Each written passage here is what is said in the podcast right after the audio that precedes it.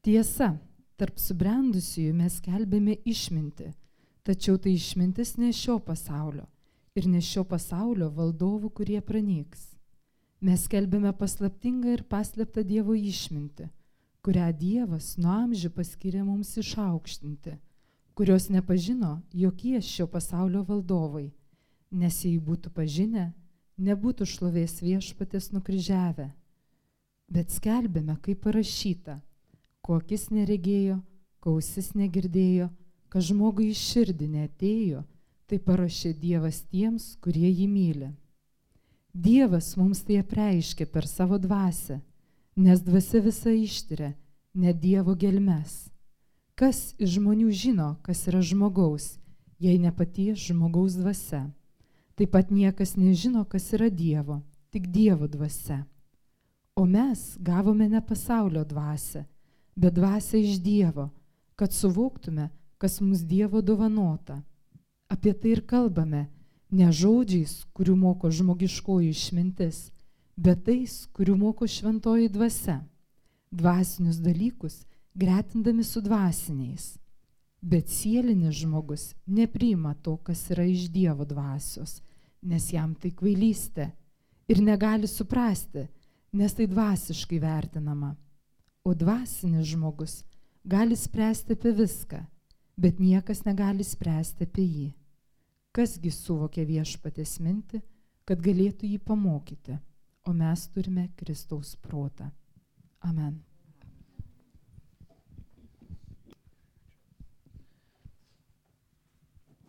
Pasimelskim. Dangiškasis tėvė, mes prašom, kad atvertų mums savo žodį, atvertų mums savo pažinimą Dievę, kad tavo žodis mus mokytų apie tiesą, padėtų mums įsitvirtinti tiesoje, nes tik tavo šventoji dvasia gali apreikšti tiesą, gali mums padėti suvokti Evangelijos žinę, ją pritaikyti savo gyvenime ir įtvirtinti mus tame pašaukime, į kurį Kristus mus kviečia ir šaukia. Prašom, kad tu taip veiktum tokiu būdu mūsų širdyse ir gyvenimuose. Per Kristų visi sakome Amen. Prisėskime.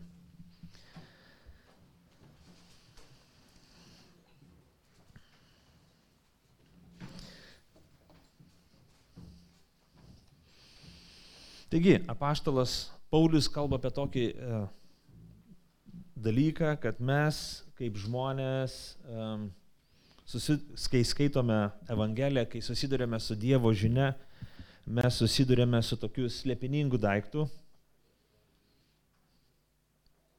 tai yra su Dievo paslaptimi. Ir um, Nes Paulius prieš pastato dvi, dviejų rūšių išmintis ir apie tai mes kalbėjome praeitą sekmadienį. Tekstas aukščiau kalba apie tai, kad žmogus, kad pasaulyje egzistuoja dviejų rūšių išmintis, taip grubiai jas skirstant, arba taip kaip skirsto paštalas Paulius šitame tekste, kad yra šio pasaulio išmintis, yra Dievo išmintis. Ir tas perskirimas šitos išminties yra Kristaus kryžius, Kristus, jo pažinimas, apie tai kalbėsim šiandien šiek tiek. Ir sako, šeštoje lūtė ir septinta, žiūrėkim, tiesa, tarp subrendusių mes skelbėme, diev, skelbėme išmintį, tačiau tai išmintis ne šio pasaulio, ne šio pasaulio valdovų, kurie pranyks. Mes skelbėme paslaptingą ir paslėptą Dievo išmintį, kurią Dievas nuo amžių paskyrė mums išaukštinti. Taigi, Apaštalas Paulius dažnai, ne viename savo laiške kalba apie tai, kad egzistuoja tam tikra paslaptis, tam tikras slėpinys, kad jo išmintis, jo išganimas yra, yra kaip šiek tiek uždengtas kitiems žmonėms, paslėptas nuo žmonių ir žmonės savo gebėjimais, savo jūsliniam gebom, savo protų, išsilavinimu šitos tiesos, šitos um, išminties pasiekti negali. Pasižiūrėkime į laišką feziečiams, kas turi šventą raštą, atsiverskim trečią skyrių ir Paulius rašo. Todėl aš, uh, -huh, todėl aš Paulius esu Kristaus Jėzaus kalinys, dėl jūsų pagonių jūs esate girdėję apie Dievo malonės tvarkymą man sutiktą jūsų labui. Rašo trečiltė. Apreiškimu man buvo atskleista paslaptis, kaip aš ką tik trumpai aprašiau Skaitydami galite įsitikinti, kad suvokiu Kristaus paslapti, kuri ankstesniems žmonių kartoms nebuvo paskelta taip, kaip ji dabar dvasios atskleista jo šventiesiems apaštalams ir pranašams, pagonis ir bendra paveldėtojai priklauso vienam kūnui ir yra pažado dalininkai Kristuje per Evangeliją, kurios tarnu tapau pagal Dievo malonės dovaną, kuri man duota jo jėgos veikimu. Taigi, per apreiškimą, per Dievo apsireiškimą, per Dievo norą atsiverti, sako, buvo atskleista paslaptis. Tai yra, kad pagonys per Kristų ir žydai, Dievo tautos atstovai yra Dievo ir Kristaus bendra e, paveldėtojai, kad jie yra, sudaro vieną kūną Kristuje tam, kad būtų išganyti.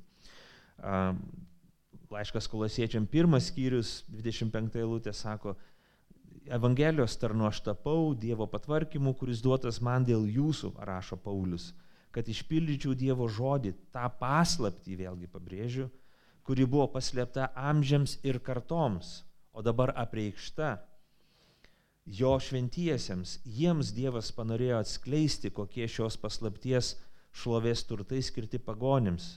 Būtent Kristus jumise šlovės viltis. Vėlgi, paštalas Paulius kalba apie tai, kad Kristus, žinia apie Jėzų Kristų, žinia apie tai, kad jis išganimas, kad jis išganimas ne tik žydams, bet ir pagonims, buvo paslaptis ir jinai atskleista uh, paskutiniais laikais per apaštalų tarnystę ir taip toliau. Taigi, krikščioniška mums būtų sakyti, apaštalas to moko, kad mes savo intelektiniais gebėjimais, savo protiniais gebėjimais, um, savo išmastymų, filosofinė mintim, su filosofinė gelme, poetiniu polėkiu negalim pažinti Dievo minties jo plano ir Evangelijos žinios. Negalime jos sugalvoti, suprasti, patys ją atrasti. Taip pat negalim to padaryti gamtos stebėjimu, sav, savęs stebėjimu mes negalim suprasti Evangelijos žinios. Jis per daug gili, jinai per daug sudėtinga, per daug tai nepasiekiama mūsų protui, mūsų patirčiai. Savo kūrybą, intuiciją mes negalim sufantazuoti, sumastyti, kad, o, galbūt taip Dievas išgelbės mane, numatyti, nu, nu, priimti Evangelijos mes negalim. Jin, uh, jos nepažino, kai įvyko, kai buvo skelbiama, kai vyko įvykiai, kai Kristus gyveno, jos nepažino, nesuprato, kas vyksta. Kai buvo skelbiama pirmąjį kartą iš žmonių po Kristaus prisikelimo, tie žmonės nesuprato, taip ir tebėra ir šiandien, kai skelbiama Evangelija, žmonės jos nesupranta, nesuvokia savo jėgom, kaip, kaip kalba apaštalas Paulius, kaip dėsto šventas raštas, žmogus negali suvokti Evangelijos. Mums reikia nunerti į tokį gilį, kad tiesiog mes, mes negalime taip giliai nunerti. Mums reikia pakilti į tokią aukštumą, į kurią mes tiesiog negalime pakilti. Mums reikia turėti tokią, um, nežinau, fantaziją ir, ir tokias idėjas, kurių mes tiesiog negalim sugeneruoti kaip žmonės, kad suprastumėm Dievo mintį. Apaštalas Jonas rašo pirmame, e, pirma, pirmame skyriuje savo Evangelijos 11 eilutė, kad kai Jėzus atėjo pas savuosius, savieji jo nepriėmė. Netikėtinas toks paradoksas, žmonės laukia, žydų tauta laukia daugiau nei tūkstantį metų Jėzaus, Mesijo, išganytojo, gelbėtojo. Paskutiniais, paskutiniais šimtmečiais jie mokėsi šventą raštą mintinai, jie laikėsi griežtai įstatymo, jie pasmerk, pasmerkdavo kiekvieną, kuris šabo dieną bent kokį veiksmą, judesi darydavo, nes jisai tokiu būdu atitolina mesijo ateimą ir štai mesijas ateina pas juos. Jie keurai išmano raštus, jie, jie laukia to, jie meldžiasi, jų lūkesčiai pakilė iki beprotybės lygio, bet Jėzus ateina ir jie jo nepažino, jie jo ne, ne, nepamato. Nors minios traukia prie Jėzaus, Bet kai vyksta kryžius, kai kai skelbiama Kristaus kryžiaus, atperkančio kryžiaus žinia, žmonės jie nesupranta, nepagauna minties.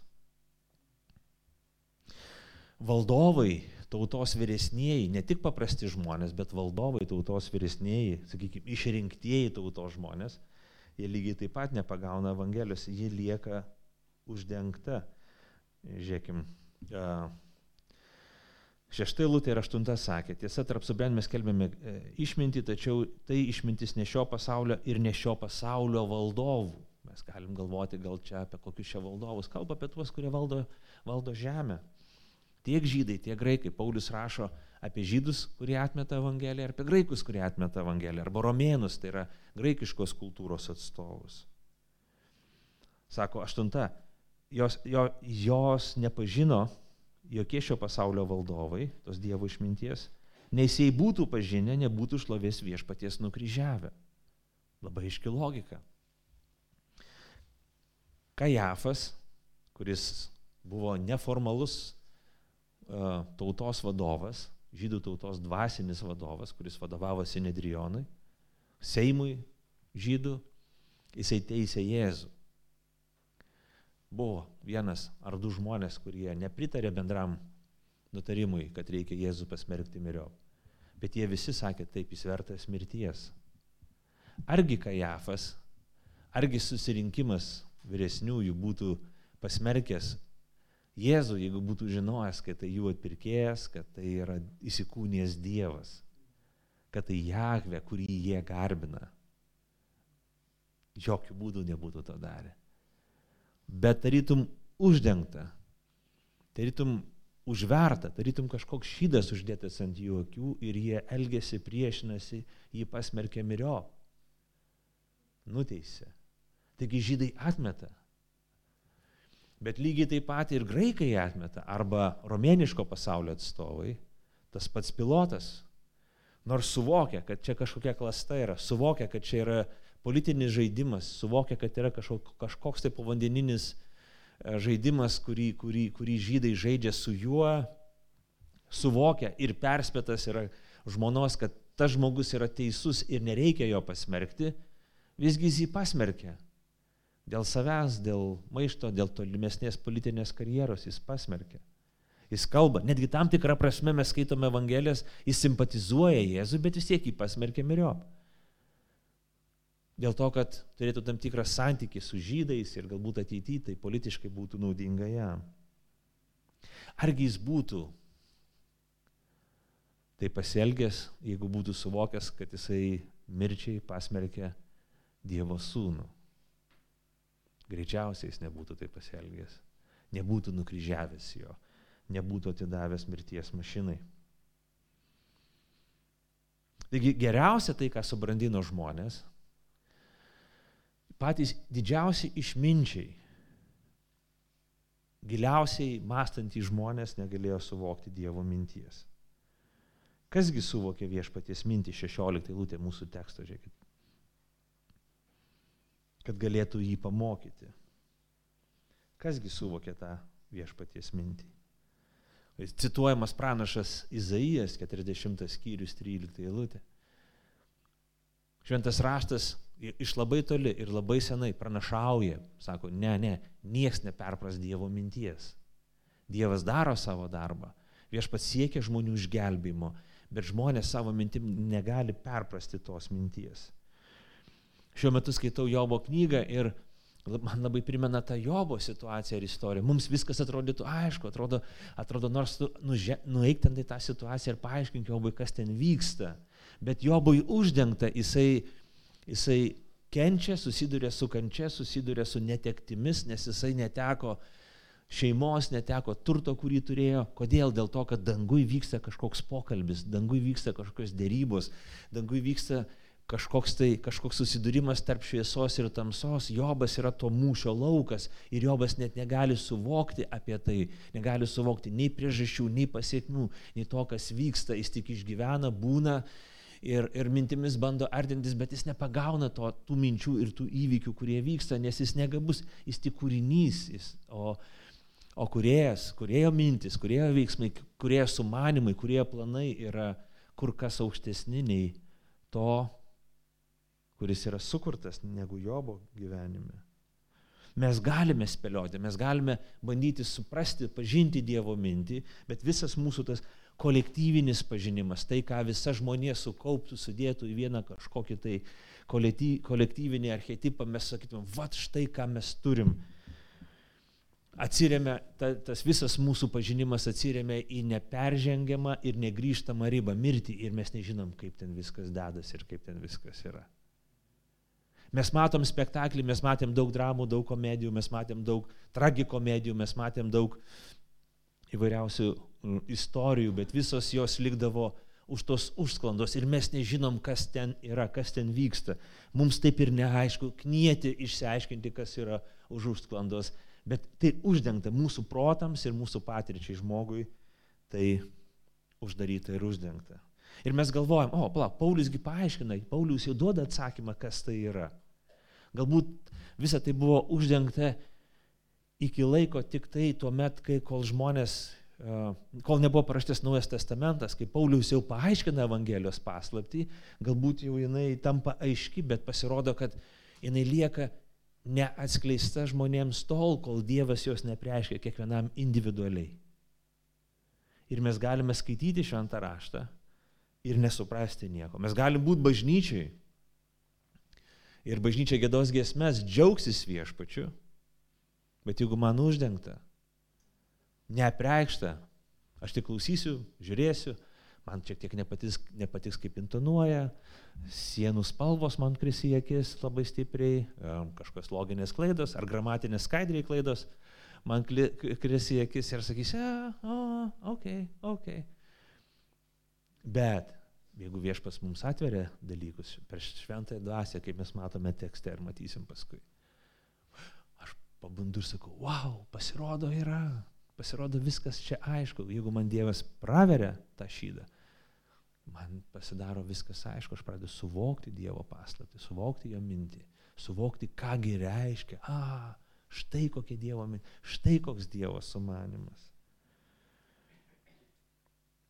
Šventas raštas sako, laiškė romiečiams dar labai svarbi mintis, kad mes galim suprasti, kad Dievas yra, mums užtenka proto, intelekto, priežastinių ir pasiekmės svarstymų, kad suvoktumėm, jog yra Dievas, jog yra kuriejas ir autoris šio pasaulio. Kad suvoktumėm, kad yra tam tikra tvarka ir blogą darantys gaus blogą, gerą darantys gaus gerą, mes tą suvokiam žiedami į gamtą. Ir sako, Paulius moko, kad nepateisinama būti visiškų bedievių, nepateisinama, nes tokiu būdu mes atmetam tai, kas mums natūraliai įgimtai duodama. Tačiau pažinti Evangelijos, pažinti Kristaus išganimo mums neduota natūraliai. Tiesiog būnant gamtoj. Būnant gamtoj, tu matai gamtą. Būnant gamtoj, tu matai, uh, tu gali matyti priežastį, tu gali suvokti, kad yra kuriejas, kad yra autorius bet pažinti Kristų to neužtenka. Labai gera devinta eilutė, netikėtina devinta eilutė. Apaštalas Paulius rašo, sako, mes skelbėme kaip parašyta, ko akis neregėjo, ko ausis negirdėjo, ko žmogui į širdį netėjo, kitas vertimas sakytų, kad žmogui į mintį netėjo, tai paruošė Dievas tiems, kurie jį myli. Ir kaip jau ir minėjau, žiūrėkit, visais savo receptoriais, visais pažinimo receptoriais mes negalim pažinti Dievo. Negalim suprasti jo minties, suvokti Evangelijos, atrasti Kristaus. Žiūrėkit, mūsų žvilgsnis yra aklas šitam tikslui. Mūsų klausa yra kur čia. Mūsų mintis perdėm sekli, mes negalim to suprasti, kad galėtumėm pažinti Dievą, suprasti jo mintį, jo išganimo kelius ir sumanimus. Dievas paruošė tai, ko, ko, ko, ko mes negalėjom nei matyti, nei girdėti, nei, nei sumastyti.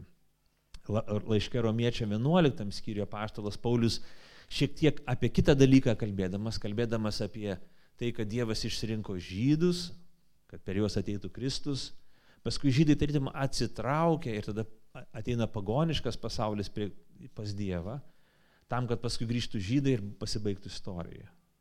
Labai paslaptinga. Ir Paulius sako, žiūrėkit, laiškė romiečiams 11 skyrius nuo 33 eilutės, o Dievo turtų išminties ir pažinimo gelme. Kokie neištariami jo teismai ir nesusekami jo keliai. Ir kasgi pažino viešpaties mintį, kas buvo jo patarėjų, arba kas jam yra davęs pirmas, kad jam būtų atmokėta. Iš jo, per jį ir jam yra viskas. Visa, jam šlovė per amžius. Amen koksai Dievo šlovinimas. Apaštalas Paulius buvo gilus mąstytojas. Apaštalas Paulius buvo tas, kuriam Dievas, Kristus apreiškė Evangelijos žinę, bet jisai sustoja ir sako, o yra ribos, kurių mes negalim, tiesiog yra ribos, kurių mes ne, nepajėgiam nei suvokti, nei suprasti, nei apimti, nei sudėlioti savo mintį. Tiesiog yra ribos, kurių mes kaip kūriniai, kaip žmonės nepajėgus įimti į save. Ir kas vyksta, kai mes pažįstam Dievą, kai pažįstam Kristų, kas vyksta, mes jį šlovinam. Šlovinam už tai, kas ir už tai, koks jis yra.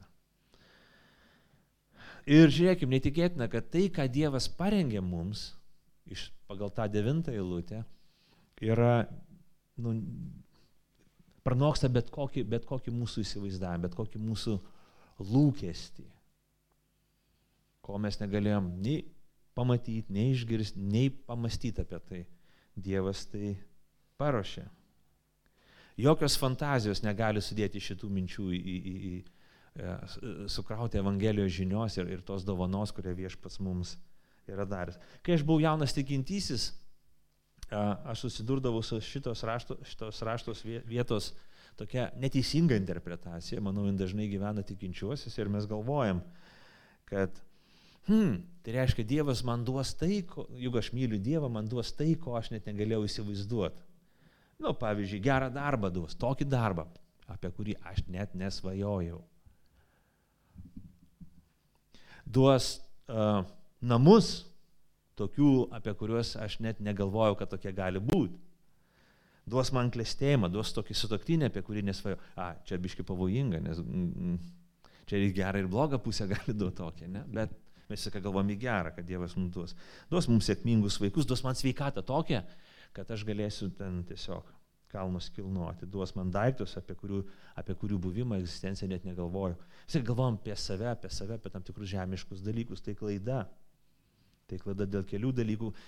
Visus tuos daiktus mes galim pasiekti savo jėgom be Dievo. Darydami blogą, nepašventę savęs Kristui, mes tai galim pasiekti. Kita vertus, visi tie išvardinti dalykai, kad kokie ir geri jie bebūtų, Net pačios dariausios, na, nežinau, geriausios darybės, kaip puikiai šeima ir taip toliau ir panašiai, visa tai per maža. Ilgas gyvenimas, sėkmingas, laimingas, sveikas gyvenimas, visa tai per maža tam, ką Dievas yra nusprendęs padovanoti. Mes visi galvom apie tai. Žydai apie tai galvoja. Graikai apie tai galvoja. Ir galvoja, va tai Dievas nori mums duoti. Bet tai apie ką mes galėjom išgirsti, apie tai, ką mes galėjom pamatyti, apie tai, ką galėjom sugalvoti patys. Tai mūsų lūkesčiai, bet tai, ką Dievas mums paruošė, visą tai pranoksta. Nelygstamai. Ne kartais, bet nepamatuojamais kartais. Lyginant su Kristaus dovana, lyginant su Evangelijos dovana, kurią mes gauname per Kristų patikėję jį, mes gauname, tie dalykai yra trupiniai, kurie visai nereikšmingi yra Taip, jie svarbus, jie turi savo vietą savo e, gyvenime, bet reikšmės prasme jie nublanksta kaip nereikšmingos detalės.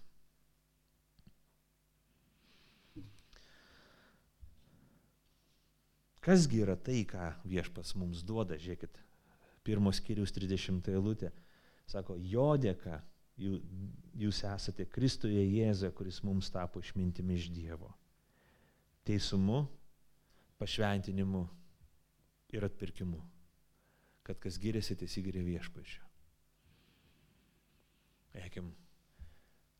Tai, ko mes negalėjom, apie ką negalėjom išgirsti, tai, apie ką mes negalėjom, ko negalėjom pamatyti, tai, apie ką negalėjom pamastyti, tai, kas į mūsų širdį, mūsų mintį netėjo, yra kas?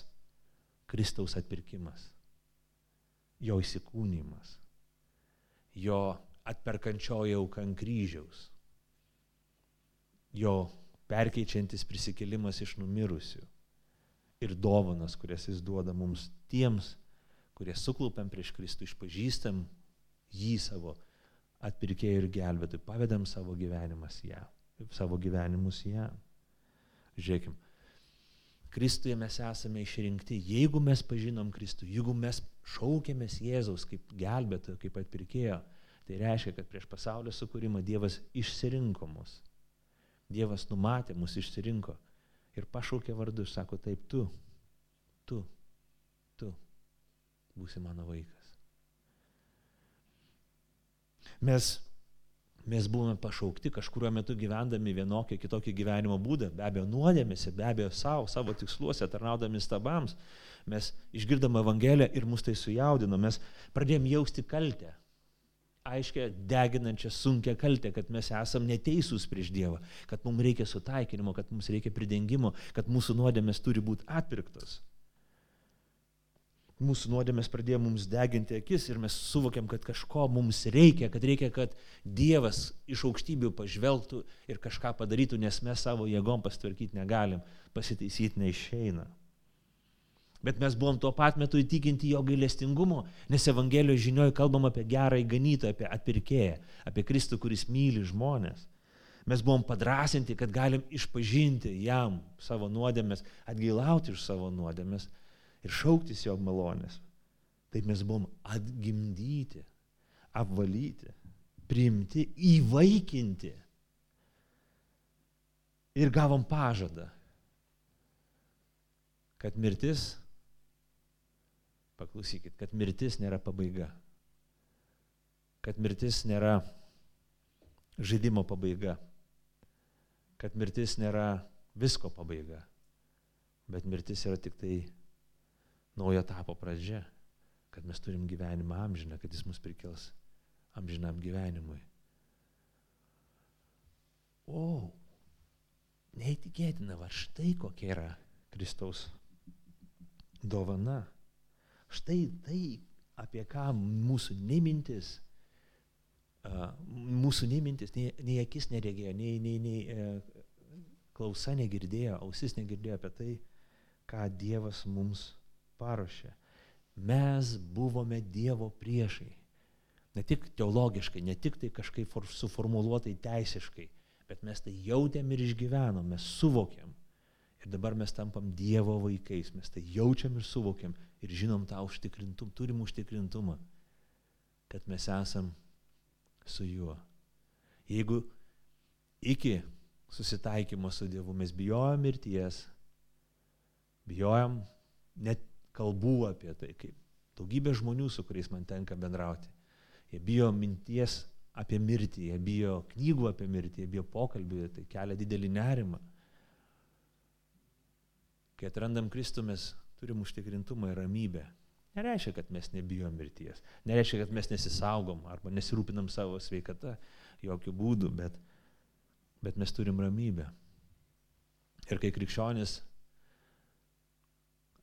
atsigula į ligoninę ir jam atliekama sudėtinga operacija, tai žino, net jeigu bus blogiausia, tai nėra blogiausia.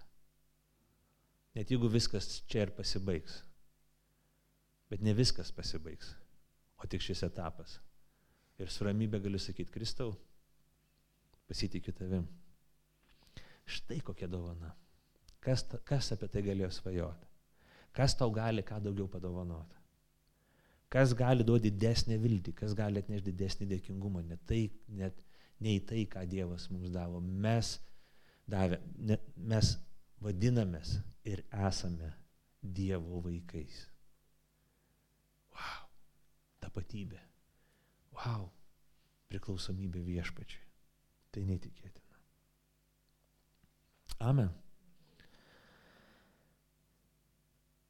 Taigi toji, o čia kažkur pas mane turėjo gal skaidrės pasikeisti. Taigi, um, čia tokia labai svarbi skirtybė. Krikščionys neišbraukė, nenubraukė visos. Krikščionys neturi būti arogantiški. Viskas, kas čia išmintinga ar protinga, mums neįdomu, mums tik rūpi religiniai dalykai, Kristus ir niekas daugiau. Um, taip, jeigu sakytume prioriteto tvarką, mes sakom, taip, Kristus yra svarbiausia ir labiausiai rūpi, bet Mes nenubraukėm žmogiškos išminties, mokslo, menos ir kitose srityse. Takoskira, kuri perskiria, kad tai yra žmogiška šio pasaulio išmintis, šio pasaulio valdovų išmintis, kaip apaštalas Paulius kalba, ir dieviška išmintis yra ta perskiria Kristaus kryžius. Žiūrėkim, pirmas skyrius 22 eilutė sako, žydai reikalauja ženklų, graikai ieško išminties bet mes skelbėme Kristų nukryžiuotąjį, kuris žydams yra papiktinimas, o pagonims kvailystė, bet pašauktiesiems tiek žydams, tiek graikams skelbėme Kristų Dievo jėgą ir Dievo išmintį. Eikim, čia žiauriai svarbus dalykas, ką Paulius sako. Esminis kirtis, kuriuo padalinama šio pasaulio išmintis ir Dievo išmintis yra požiūris į sielos išganimą, požiūris į tai, ką Kristus padarė ant kryžiaus. Kaip mes suvokiame Kristaus kryžių, kaip mes priimame Kristų kaip išganytoją ir gelbėtoją, ar kaip apsišaukėlį šarlataną. Kas jis yra? Dievas, kuriam, prieš kurį mes klaupiamės ir išpažįstame, pavedam savo gyvenimą jam, ar beprotis, kuris kalba klėdėsis ir kurį reikėtų uždrausti kalbėti, kad net virkintų žmonių. Jis kas tarpininkas ir gelbėtojas, Dievo siūstas išganytojas, ar jisai sektos įkurėjas. Štai esminis dalykas, kokia išminti mes vadovaujamės, anota paštolo Pauliaus. Jei priimam Dievo išmintį, jei Kristų priimam kaip Dievo išmintį, jei priimam tai, kad Jėzus yra mūsų atpirkėjas, kad Jėzus vienintelis kelias, kad Jėzus įvykdė tai, ką tik jis galėjo padaryti, atpirkti žmogaus sielą, mes tampame išmintingai žmonėmis. Jei ne, mes toliau skendim pasaulio tamsoj, moko paštalas Paulius. Mes vadovavome šio pasaulio kunigaikščio, kuris viešpatauja išmintim. Mes manom, kad savo darbais galim būti primtini Dievui, mes galvojam, kad, kad galim būti išteisinti, mes priešinamės minčiai, apskritai priešinamės minčiai, kad kažkas esmingai blogai su mumis yra. Mes atmetam mintį, kad mums reikia atpirkimo. Mes nesutinkam su Biblijos diagnostika apie mus pačius. Mes galvojam, ne, ne, ne, kad čia netaip yra. A, nepatinka tos išvados. Kad čia kažko mums reikia, kad reikia pagalbos iš šalies. Gal mums reikia taisyklių, gal mums reikia kažkokių tai kažkokios va, pamokymo tam tikro, bet kad reikia visiško perkeitimo, mes to negalim sutikti, jeigu mes nepriimam Kristaus. Mes labai priešinamės tai minčiai, jeigu nepriimam Kristaus, kad mes esam kažkam skolingi. Net jeigu kažkas pateikia įtikinamus argumentus, kad Kristus e, mirė ant kryžiaus, kažkaip mums nepatinka tai, kad mes dabar, kodėl mes turėtumėm kažką, jis mirė čia jo reikalas, aš dabar gyvenu taip, kaip gyvenęs. Visą tai laikom kvailystę, aferą, pasipelnimu, tamsumu, prietarais, manipulacija, per lengvų kelių, naivumu ir taip toliau ir taip toliau. Ir žiūrėkit, žmonių mąstymas pirmame amžiuje, Evangelijos atmetimas ir 21 amžiuje nelabai kuo skiriasi, ypatingai tų žmonių, kurie atmeta Evangeliją ir taip toliau. Lygiai taip pat ir tų, kurie, kurie priemė Kristų. Kaip tie džiaugiasi pirmam amžiui, taip ir mes džiaugiamės Kristumi pirmam amžiui, jeigu mes sakome, ne, Jėzus man tapo išmintim, Jėzus man tapo svarbiausiu. Kaipgi mes dabar įgaunam tuos dalykus ir apaštalas Paulius, aišku, tam nemažai dėmesio skiria, sako, Dievas mums tai apreiškia dešimtą eilutę per savo dvasę.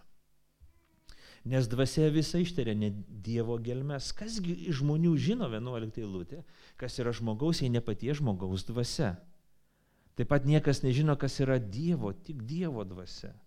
O mes gavome ne pasaulio dvasę, bet dvasę iš Dievo, kad suvoktume, kas mums Dievo dovanota. Apie tai kalbame ne žodžiais, kurių moko žmogiško išmintis, bet tais, kurių moko šventoji dvasia, dvasinius dalykus gretindami su dvasiniais. Labai daug žodžių dva, dvasia, dvasia, dvasia, dvasiniai. Ne? Taigi žiūrėkime, apaštalas Paulius moko labai iškios tiesos ir tai, tai mo, to moko ir visas šventas raštas, kad šventoji dvasia, trečiasis trejybės asmuo, uh, jis atėjo tam, kad apreikštų mums tiesą, atvertų tą paslaptį, kad mes suvoktume Evangeliją. Kaip ten kažkas gerai sakė, vok, vok ir galiausiai suvoksi. Lietuviškai labai baisiai skamba, bet šventoji dvasia atveria mums tą suvokimą Evangelijos tiesos. Mokytų Kristaus tiesos, padėtų mums gyventi pagal jo mokymą. Šis trejybės asmuo tam ir atėjo, kad mums atvertų kad mums nuimtų šydą, kuris dengia mūsų akis, kad mūsų akis atsivertų, kad mūsų ausis išgirstų, kad mes savo mintim suvoktumėm ties Evangelijos tiesą.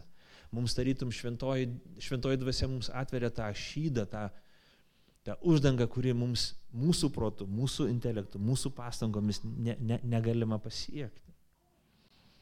Pavyzdžiui, Luko Evangelijų 24 skyriui po prisikelimo, kem penktoje lūtė e, rašoma, jis Kristus atvėrė mokiniams protą, kad jie suprastų raštus. Jono Evangelija 20 skyrius 22 eilutė sako, tai pasakęs Jėzus kvėpė juos ir tarė, primkite šventąją dvasę. Evangelistai skirtingai naudoja skirtingus e, tekstus, bet kalba apie tos pačius įvykius, apie keletą dienų, kai Jėzus bendravo su mokiniais e, po prisikėlimo ir sako, jisai atvėrė jiems protą, jis davė, įkvėpė jiems dvasę ir tada jie suvokė raštus, suvokė tiesą, suvokė esmę to, kas vyko ant kryžiaus, to, kas yra Kristus, to, kas, ką jis atliko ir padarė. Dar prieš tai Jono, Jono Evangelijai 14 skyriuje prieš tai sako, Jėzus sako, aš paprašysiu tėvą ir jis duos jums kitą godėją, kad jis liktų su jumis per amžius. Reikia vėl 17 ildė. Tiesos dvasia, kurios pasaulis neįstengia priimti, nes jos nemato ir nepažįsta tos tiesos dvasios o jūs ją pažįstate, nes ji yra su jumis ir bus jumise. Vėlgi, sako, aš duosiu, ji kalbės, mokys. Bet sako, pasaulis nepažįsta, pasaulis nepriima, pasaulis nesuvokia, pasaulis, pasauliu tai svetimas dalykas.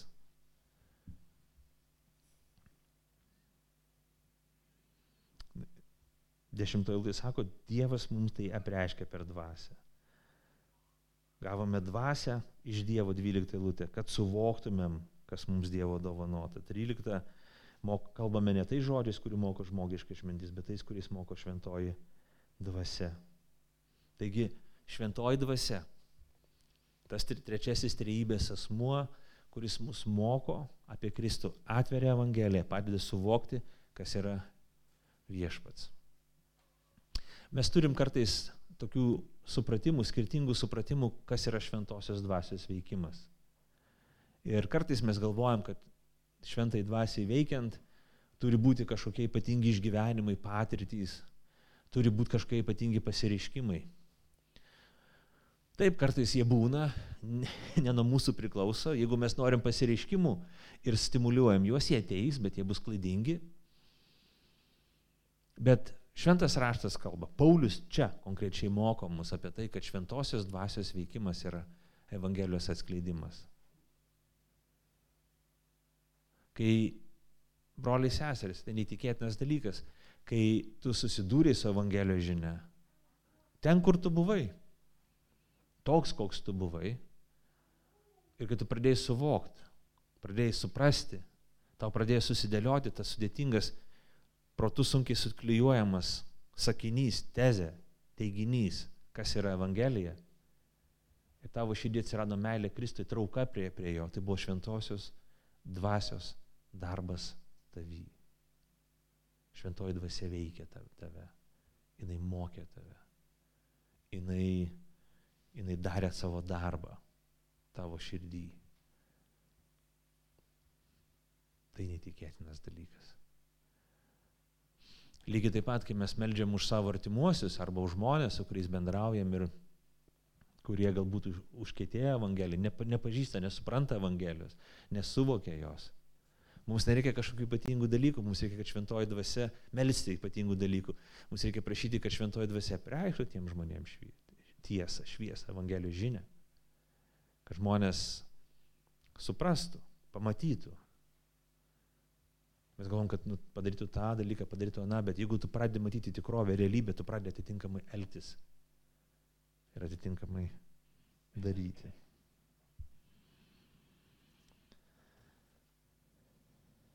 Taigi šventoji dvasia duoda viskam naują žvilgsnį, naują supratimą, apreiškia, kaip visa turi būti atpirkta ir atnaujinta Kristuje. Kaip 16 eilutė baigėsi taip o mes turime Kristaus protą. Jeigu mes esam Kristai, jeigu mes esam krikščionys, mes pradedame mąstyti kaip Kristus, kaip, kaip krikščionys. Bet čia mes susidurėm su tokiu dalyku, kad korintiečiai turėjo tam tikrų bėdų ir Paulius tuos tas bėdas jisai nori taisyti, koreguoti. Pirmas dalykas. Krikščionis Korinte turėjo tokį, tokį keistą supratimą, kad kalbėti apie Kristų, jie galvoja, kad tai yra tokia abecėlė, kuri, ne, nu, vat, kuri naujatikiams svarbi. Įtikėjai, nu, va, ten tau pradžioje apie Kristų reikia kalbėti, o paskui reikia ieškoti kažkokių tai rimtesnių dalykų, gilesnių temų.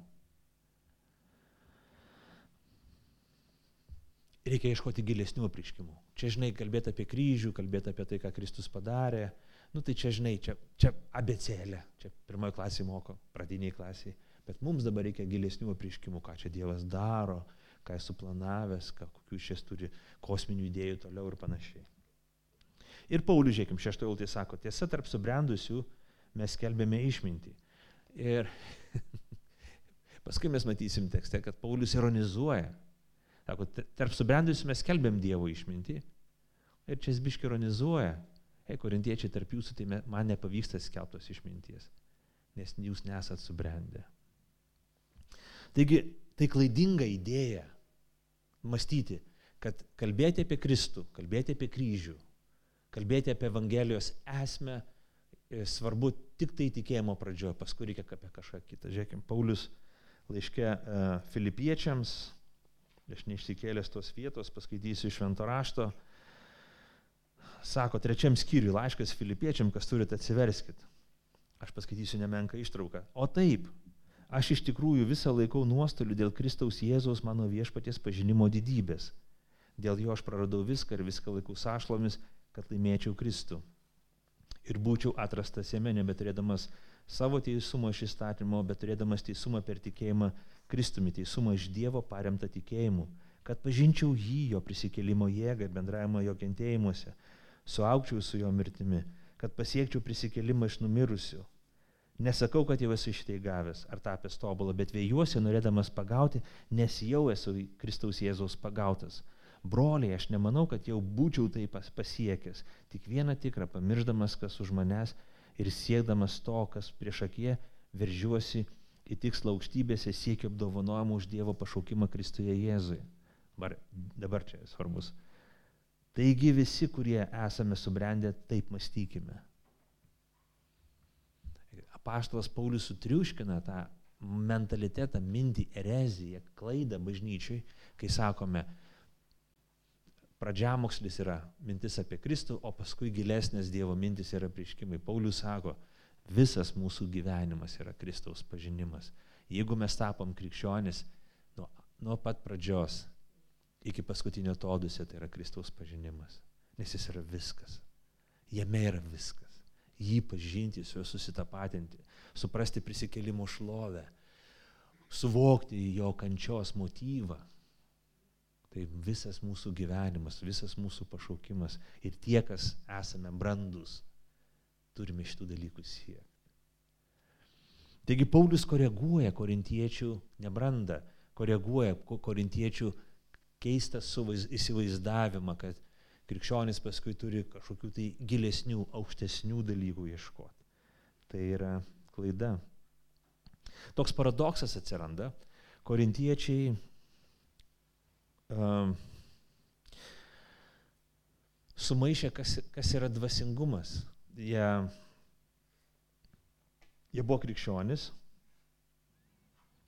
Jie mane, kad yra krikščionys, jie buvo krikščionys, jie išpažino Kristų, tačiau jie galvoja, kad, kad dvasingumas, kad ta krikščioniška branda yra tam tikrų ypatingų dovanų turėjimas.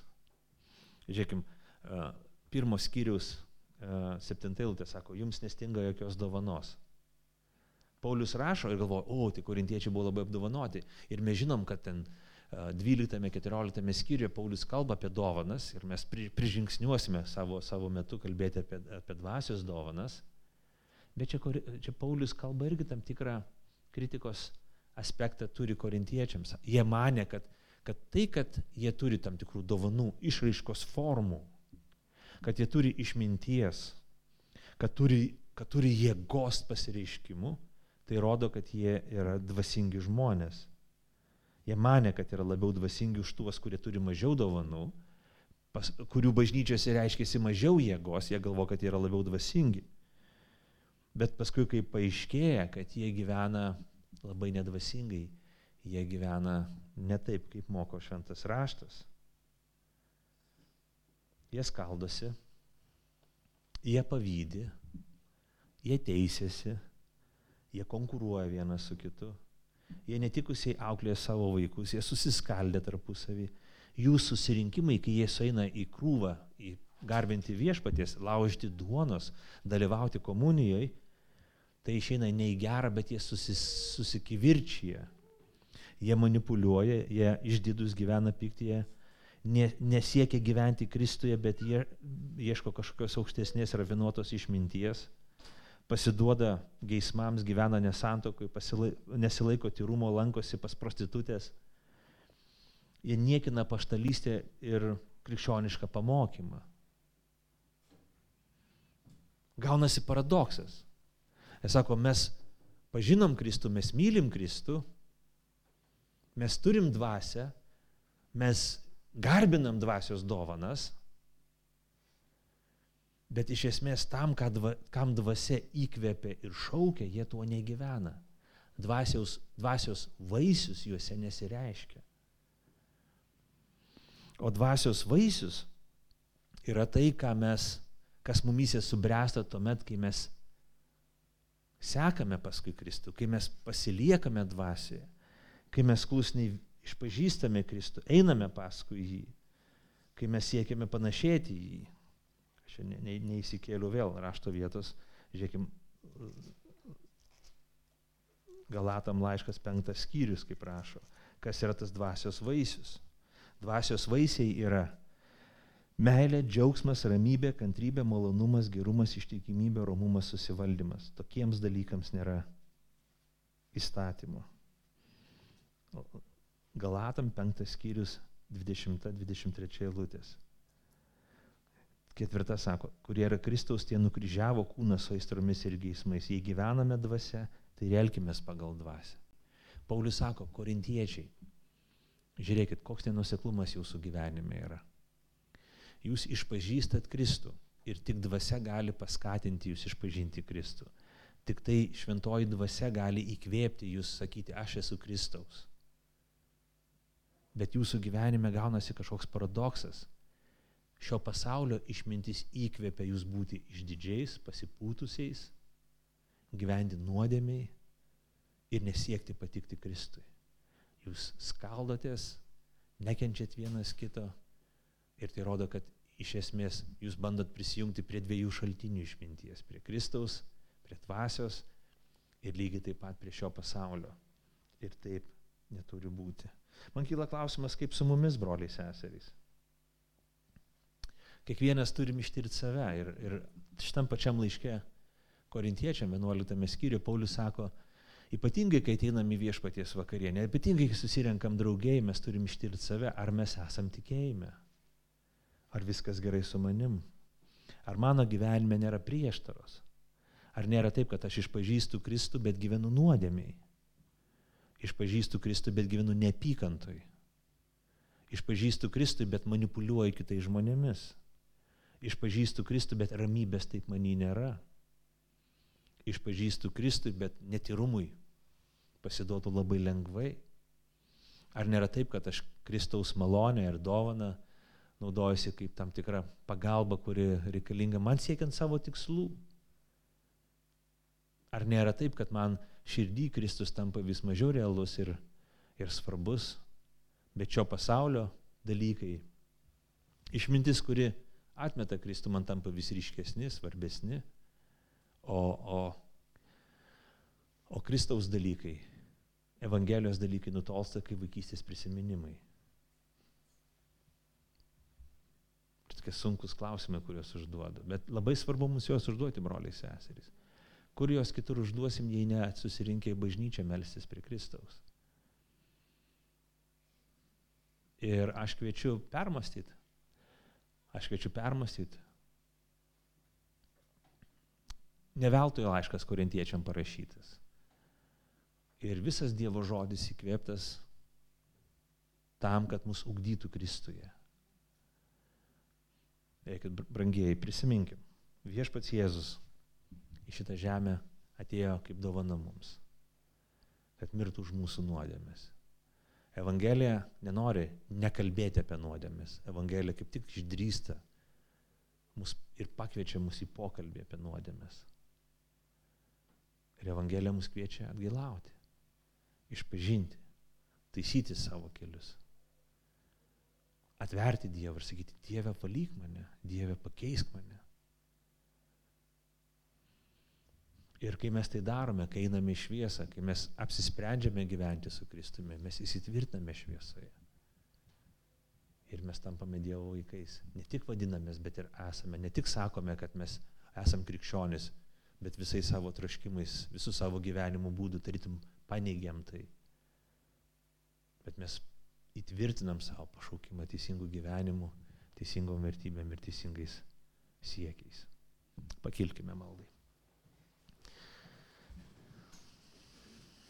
Dangiškasis tėve, mūsų Dieve, mes dėkojam už Evangeliją. Dėkojam už tą paslaptį, kurią, kurią mums atvėrė apaštalas Paulius tavo žodis. Ir melžiam, kad veikiant tavo šventai dvasiai, šita paslaptis būtų atskleista kiekvienam iš mūsų čia esančių. Viešpatie, apvalyk mūsų širdis, mes išpažįstam savo nuodėmės tau, išpažįstam savo širdies prieštaravimą, kad mes siekiam tavęs, bet kažkuriuose vietose mes visai tarytum pamirštam tave ir liekam neperkeisti, nepipjaustyti, net gailavę už savo nuodėmes. Bet Evangelija kviečia mus išgirsti, pamatyti, priimti tavo pamokymą ir būti pašventintiems. Viešpatie Jėzau, tu esi mūsų išganimas, tu mūsų išgelbimas, tu numerėjai už visas mūsų nuodėmes. Tad meldžiu Dievę, kad apvalytum kiekvieną mano brolį ir sesę.